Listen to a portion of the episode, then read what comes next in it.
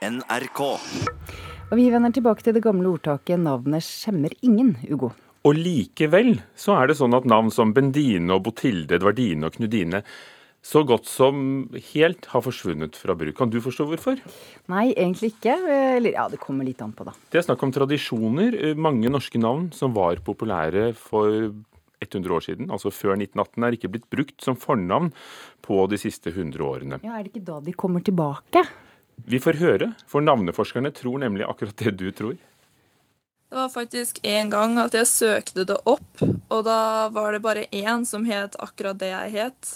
Så da husker jeg at jeg følte meg veldig spesiell. Andrea Bredine Landro har arvet noe sjeldent fra oldemoren sin. Jeg har alltid syntes at navnet mitt har vært litt rart og spesielt, siden eh, det er liksom ingen andre som heter det. Men jeg syns også det har vært koselig å bære det navnet, fordi jeg har fått navnet mitt fra oldemora mi, som jeg har hørt så mye fint om. For Bredine var et populært navn å gi nyfødte jenter for mer enn 100 år siden. Sammen med andre Agnes, Bendine, Bolette og Botilde, Edvardine, Knudine, Konradine og Ragla er i praksis borte.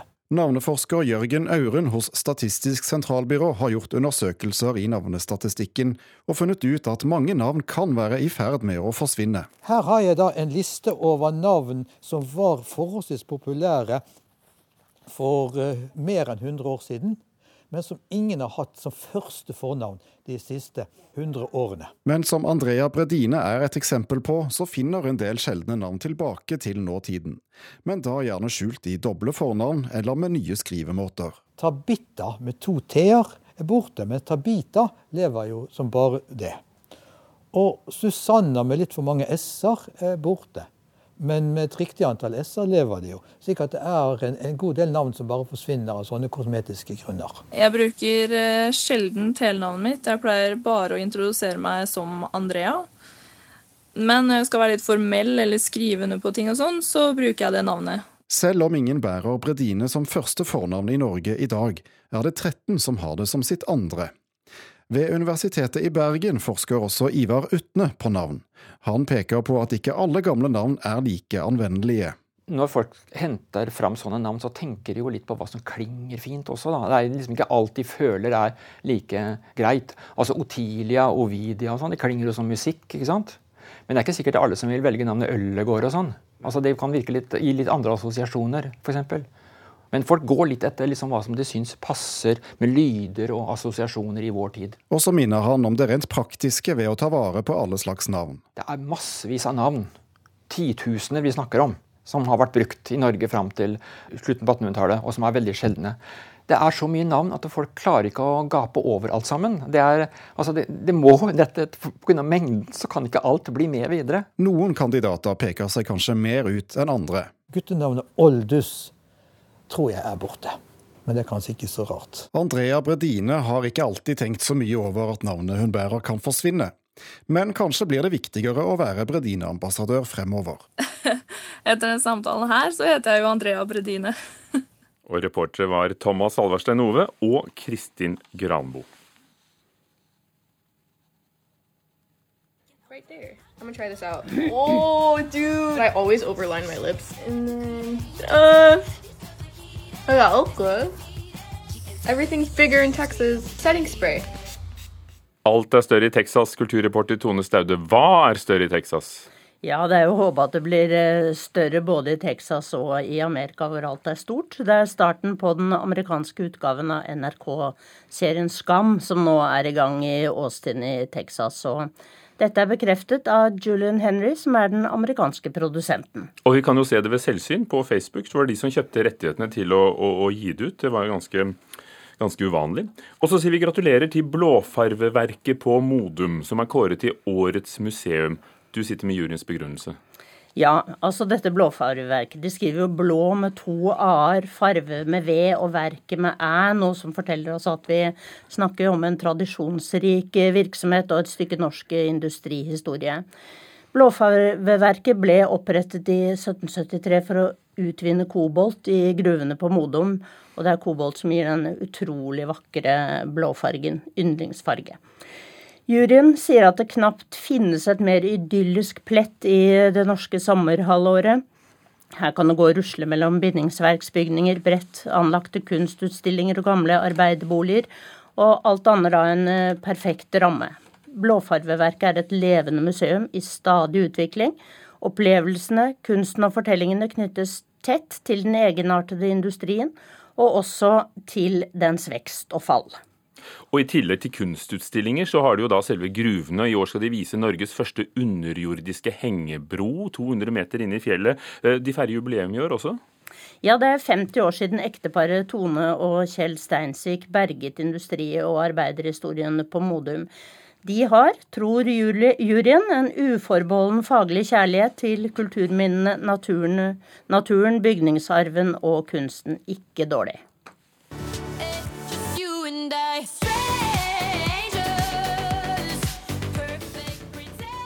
Dette er Sigrid Rabe, kjent som bare Sigrid. Hun skal opptre på det veldig populære The Tonight Show med Jimmy Fallon i USA uh, neste uke. Er, alt er stort der? Ja, det, hun avslørte dette på Instagram-kontoen sin i natt, og der kan hun regne med å få et stort uh, publikum. Dette amerikanske talkshowet har hatt et snitt på 2,7 millioner seere hittil i år. Neste tirsdag. Takk, Tone Staude. Restene av Oslos viktigste gate fra middelalderen er funnet, og nå skal de historiske og enestående tømmerstokkene kastes. Både Byantikvaren og Fortidsminneforeningen kjemper imot. Det var under byggingen av en ny jernbane at arkeologer gravde frem disse godt bevarte tømmerstokkene.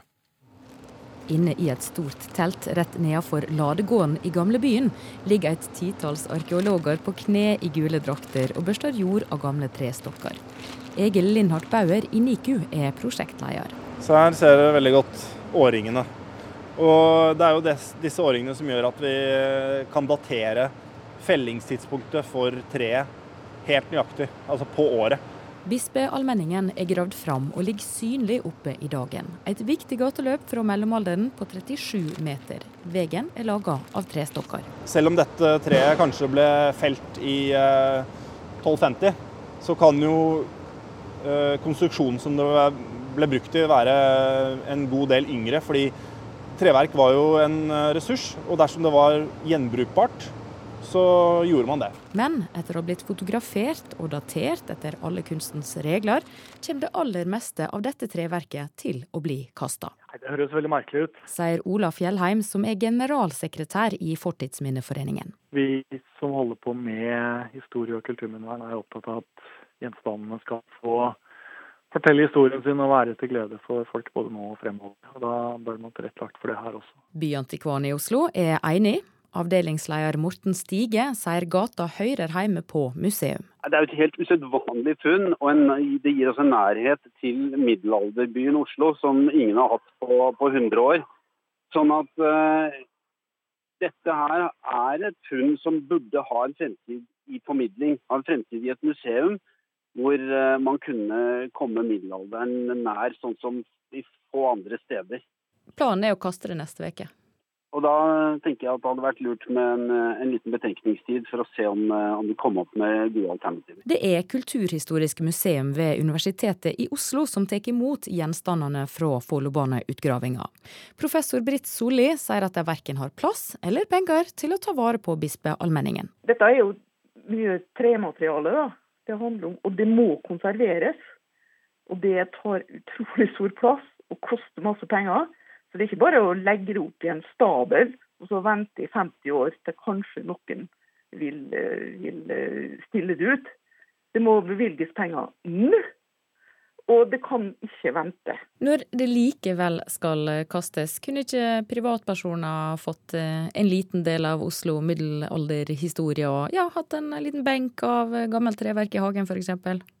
Ja, f.eks. en liten gjerdestolpe eller noe sånt. Det vil skape en stor forvirring for framtida. Altså, dette her er rett og slett noe som ikke kan spres utover, for det skaper rett og slett dokumentasjonsmessig forvirring, og forvirring omkring historia i Oslo. Men hadde vi hatt de pengene, og som middelalderarkeolog, så ville jeg gjerne bevart alt sammen, sånn at folk kunne lukte middelalderen, kunne gå på middelalderen og ta på middelalderen. Men sånn er ikke situasjonen nå. Og reporter var Ingvild Tanstad. Vår filmanmelder Birger Vestmo har ikke sett noe som ligner på den Oscar-nominerte filmen som har norgespremiere i morgen. 'Loving Vincent' er historien om maleren Vincent van Gogh, fortalt på en helt spesiell måte. Vincent van Gogh killed himself. How does a man go from calm to suicidal in six weeks? Formen er langt mer interessant enn innholdet i den Oscar-nominerte animasjonsfilmen 'Loving Vincent', der den nederlandske kunstneren Vincent van Gogh står i fokus på flere måter. Hadde denne historien vært filma på vanlig vis, ville den vært et ganske tørt og kjedelig drama uten spesielt åpenbar appell. Den har imidlertid et visuelt uttrykk som veier opp for det. Hver eneste av de 65 000 filmrutene er nemlig animert av 125 kunstnere med oljemaling på lerret, som er en unik tilnærming. Ved å levendegjøre van Goghs kunst på denne fantastiske måten, blir 'Loving Vincent' en spennende ferd inn i et malerisk univers fullt av sterke farger, skarpe kontraster og mangfoldige figurer. I don't see the point in delivering a dead man's letter. Son, If you had died and there was a letter out there that you had sent to me, I'd want it. Historien starter ett år etter at van Gogh begikk selvmord i 1890. Armand Rollet, spilt av Douglas Booth, skal levere et brev skrevet av kunstneren sjøl, men sliter med å finne den rette mottakeren. Han reiser til Auvers i Frankrike og møter flere av personene som var i kontakt med van Gogh i den siste tida han levde, blant annet dr. Gachet, spilt av Jerome Flynn, og dattera Marguerite, spilt av Sosha Ronan. Her får Rollet noen opplysninger som får han til å mistenke at det kanskje ikke var et sjølmord likevel. So, what brings you to Auvers? Kjennere vil garantert bli henrykte over måten regissørene Dorota Kobiela og Hugh Welshman har gjort ære på kunstneren, og hvordan både store tablåer og små detaljer fra hans arbeider er inkorporert i det visuelle. Historien i Loving Vincent er likevel ikke spesielt oppsiktsvekkende. Det fortellertekniske bærer preg av en forsiktighet fra regissørenes side med tanke på det tekniske arbeidet. Animasjon med oljemaling er ekstremt tidkrevende, og har nok gjort det nødvendig å gjøre de fleste scenene mer stillestående enn i en vanlig film. Dialogen blir derfor et bærende element, og den blir dessverre fremført tørt og reservert av samtlige skuespillere, som har filma sine scener foran en green screen.